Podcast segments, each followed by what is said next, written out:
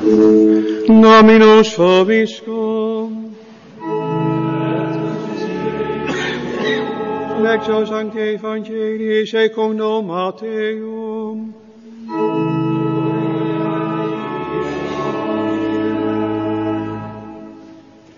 In die tijd zei Jezus tot zijn leerlingen, denk niet dat ik gekomen ben om wet of profeten op te heffen. Ik ben niet gekomen om op te heffen, maar om de vervulling te brengen. Want voorwaar, ik zeg u, eerder nog zullen hemel en aarde vergaan, dan dan één jota of haaltje vergaat uit de wet, voordat alles geschied is.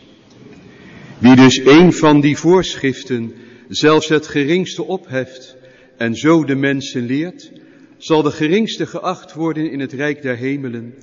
Maar wie ze onderhoudt en leert, zal groot geacht worden in het rijk der hemelen. Ik zeg u, als uw gerechtigheid die van de schriftgeleerden en fariseeën niet ver overtreft, zult gij zeker niet binnengaan in het rijk der hemelen.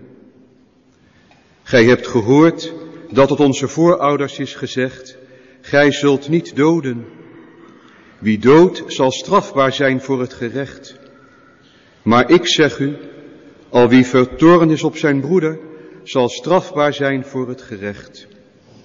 En wie tot zijn broeder zegt, raka, zal strafbaar zijn voor het Sanhedrin. En wie zegt dwaas, zal strafbaar zijn met het vuur van de hel. Als gij uw gaven komt brengen naar het altaar en daar schiet u te binnen dat uw broeder iets tegen u heeft, laat dan uw gaven voor het altaar achter. Ga u eerst met uw broeder verzoenen en kom dan terug om uw gaven aan te bieden. Haast u het eens te worden met uw tegenpartij, zolang ge nog met hem onderweg zijt. Anders zou uw tegenpartij u wel eens aan de rechter kunnen overleveren en de rechter u aan de gerechtsdienaar en zoudt gij in de gevangenis worden geworpen. Voorwaar, ik zeg u, gij zult daar niet uitkomen voordat ge tot de laatste penning hebt betaald. Gij hebt gehoord wat er gezegd is, gij zult geen echtbreuk plegen. Maar ik zeg u, al wie naar een vrouw kijkt om haar te begeren, heeft in zijn hart al echtbreuk met haar gepleegd.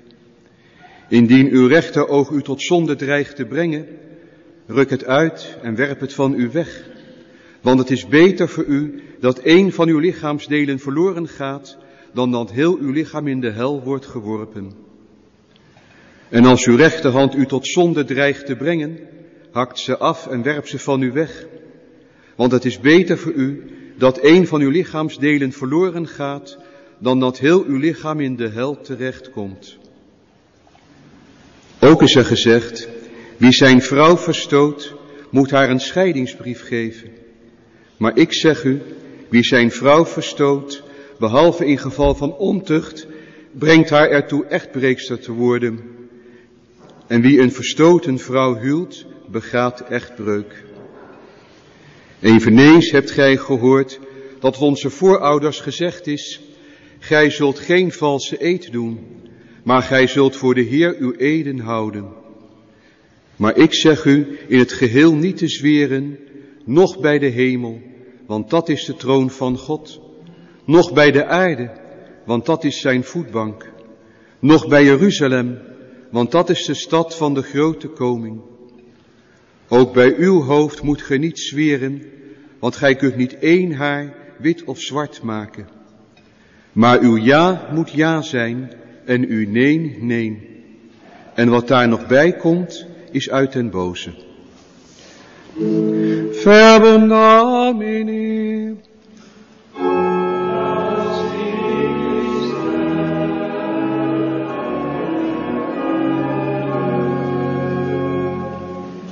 Het jaar van het woord van de Heilige Schrift. Natuurlijk niet omdat dit nu ineens nieuw is. Nee, de kerk heeft vanaf het begin geleefd van de woorden van de schrift. Aanvankelijk natuurlijk de woorden van het oude verbond die de kerk vervuld zag in de komst van Christus Later, toen de brieven van Paulus gingen circuleren, toen de evangeliën kwamen, ook geleefd vanuit de geschriften van het nieuwe verbond. De katholieke kerk is door en door de kerk van de heilige schrift. Dit wordt onder meer bevestigd door de regel van Benedictus. Wij vatten die altijd samen met ora et labora, een woord dat overigens in de regel zelf niet voorkomt. Maar dat is niet helemaal juist bid en werk.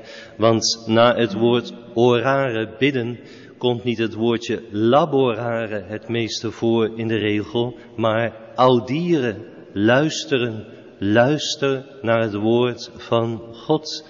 Bidden, praten tot God, luisteren is luisteren naar het woord van God. En zo zou de samenvatting eigenlijk moeten zijn, bid, luister en werk.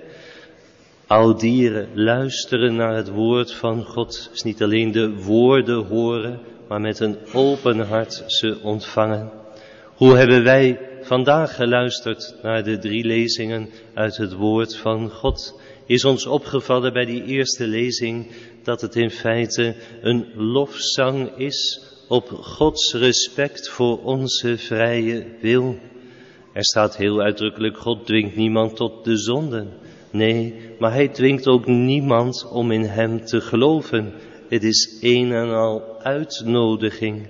Het is verstandig om in hem te geloven, dat is wat hij zegt. Maar hij laat het bij ons. Hij wil een vrij antwoord. Want in de vrijheid van het antwoord kan hij verder werken met zijn genade. En dan die tweede lezing over de wijsheid die geopenbaard is, die de mensen niet konden bedenken zelf. Het is veel groter, veel mooier, veel meer waar deze wijsheid. Maar uiteindelijk stopt daar de lezing en wordt er niet gezegd wat die wijsheid is die geopenbaard is. Het is alsof de kerk zegt, straks thuis de komende week lees die tekst zelf verder, want ook volgende week zondag wordt hier niet het antwoord op gegeven. Dit is aan ons zelf om dat na te zoeken. En hoe hebben wij geluisterd naar de woorden van Jezus die hij tot ons sprak vandaag? Misschien wel een beetje in de zin dat we weer heel snel naar anderen gingen kijken. We mogen elkaar geen dwaas meer noemen. Dat we dan denken, precies, en die heeft mij laatst nog beledigd. Of dat we moeten verzoenen en dat we dan denken, ja, maar die ander moet als eerste komen. Of misschien hebben we geluisterd zoals ons karakter is, zoals ons gelovig aanvoelen is. Dan zijn er enkele die zeggen, ja, maar dit alles heb ik niet gedaan, dus dit gaat mij niet aan. Of er zijn enkele die zeggen, goh, als één verkeerde gedachte al zondig kan zijn, dan heb ik misschien wel heel veel gezondigd. We luisteren vaak zoals we zelf op dat moment zijn. En natuurlijk, het is goed om op deze manier te luisteren, maar het is misschien nog ietsje te oppervlakkig. Want dan hebben we de woorden van Jezus beluisterd alsof er nieuwe richtlijnen werden uitgevaardigd. Vanaf nu geldt dit en dit en dit. En dan hebben we gedacht van ja, dit geldt voor die, dat, dat gaat mij niet aan, dit zal ik proberen te doen maar dan hebben we nog niet echt geluisterd naar het levende woord van de levende God. Is het u opgevallen dat er twee woorden, drie woorden, zeven keer voorkomen? En dat zijn de drie woorden, ik zeg u. En dat zijn waarschijnlijk de woorden geweest die de hoorders van toen het meest geraakt hebben. Niet zozeer wat Jezus dan verder zegt, hoe hij de wet uitdiept, maar dat terugkerende, ik zeg u, dat heeft de mensen tot stilte gemaakt. Dat heeft gezegd, gemaakt dat ze beter gingen luisteren. Want er is er maar één die deze woorden mag gebruiken. En de mensen van toen wisten dat heel erg goed. Die hoorden meteen door die woorden heen, ik zeg u. Hier spreekt iemand die meer gezag heeft dan Mozes. Hier spreekt iemand die groter is dan de profeten. Hier spreekt iemand die een grotere wijsheid schenkt dan de wijsheidboeken die we kennen. En zo zijn ze meer aandachtig gaan luisteren. Ik zeg u, Het is het gezag dat daarna nooit meer overtroffen is. Ook niet door Paulus, de Augustinus, Catharina van Siena, wie van de pausen ook. Nee, want al deze mensen behoren tot de groep tegen wie deze woorden gezegd worden. Ik zeg u, er is er maar één die zulke woorden mag spreken en dat is God zelf. Jezus, onze Heer en onze God. Hij spreekt de woorden en dan luisteren wij anders. En dat hebben de mensen toen ook gedaan. Ik zeg u, en ze wisten, maar hier spreekt de volmacht van God. We dienen te luisteren. En hoe zal de stem van Jezus geklonken hebben? Want dat kan soms ook helpen om de schrifttekst wat anders te beluisteren. Heeft hij ze heel streng en directief gesproken? Heeft hij ze bepalend gesproken, invoelend gesproken, van ik weet dat het moeilijk is, maar probeer het toch maar? Niets van dit alles. De mensen hebben dat hier niet in beluisterd. Zijn stem klonk namelijk eeuwig en verlossend. En dat is wat ze gehoord hebben. Zijn stem klonk eeuwig. Toen Jezus deze woorden sprak, was er niemand meer die bij zichzelf dacht van, ja, maar. Nee, want het was God die sprak. En iedereen die daar aanwezig was, wist, dit betreft mij. En zo dienen ook wij te luisteren naar het woord van Jezus. Zodra we horen, ik zeg u, dan is het aan ons om maar te aanvaarden. En zelfs wij als Nederlanders wagen het dan niet meer om te zeggen, ja maar. Nee, want God spreekt en Hij spreekt eeuwig. En Hij spreekt verlossend. Maar hoe zijn deze woorden verlossend? Ze hebben de wet verzwaard. Want dat was wel zo. Wat Jezus doet, is de wet verleggen van de handelingen naar de houding. En dat is een verzwaring. Handelingen, dat zijn de wetten die we proberen te doen, maar er hoeft niets in ons te veranderen. Nee, zegt Jezus, de houding moet veranderen. En dan zullen vanzelf daardoor ook de handelingen veranderen. Maar daarmee heeft hij het wel zwaarder gemaakt. En toch is het verlossend. Want als het zou blijven bij de handelingen, zouden we telkens die keuze moeten maken. En dat kan dan wel vanuit een min of meer vrije keuze. Maar vanuit de handeling, vanuit de houding, kan het vanuit een echte vrijheid gebeuren. En dat is wat Jezus ons gunt, een innerlijke vrijheid om helemaal te kiezen voor de weg van Hem, van de kerk, in dienstbaarheid van de naaste. Van de handelingen naar houding, dat is zijn verlossend woord geweest. Maar dit kan hij natuurlijk alleen maar van de mensen vragen als hij de genade geeft om onze houding te veranderen. En dat is ook gebeurd. Ik geef u een nieuw hart, staat er in de Heilige Schrift.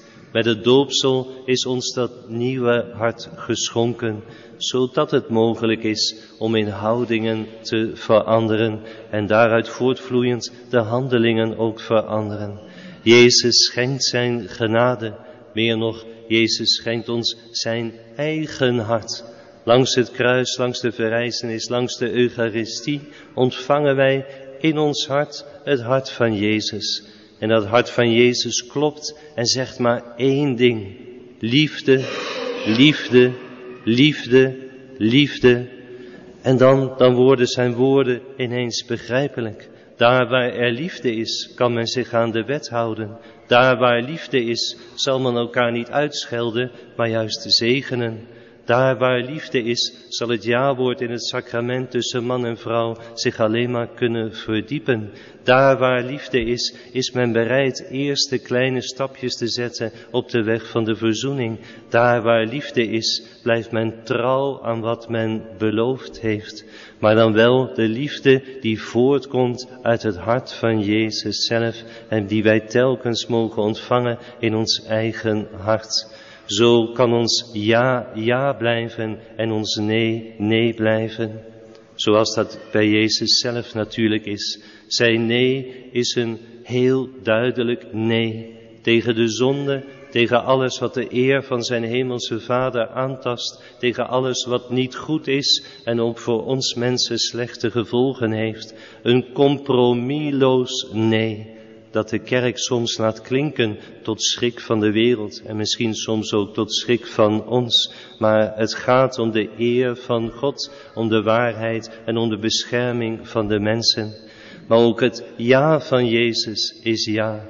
En dat is het ja van zijn Vader tegen de wereld. Een ja van liefde dat ook compromisloos is, maar totaal, zich totaal wegschenkend. Dat is het ja van Jezus. En het jaar van het woord brengt ons vandaag dus bij het ja van het woord. Het ja-woord van Jezus. En dat is heel bijzonder, want als Jezus zijn ja-woord spreekt, dan horen we dat niet alleen, maar mogen we dat ontvangen. Want zijn ja-woord klinkt als volgt, dit is mijn lichaam, dit is mijn bloed.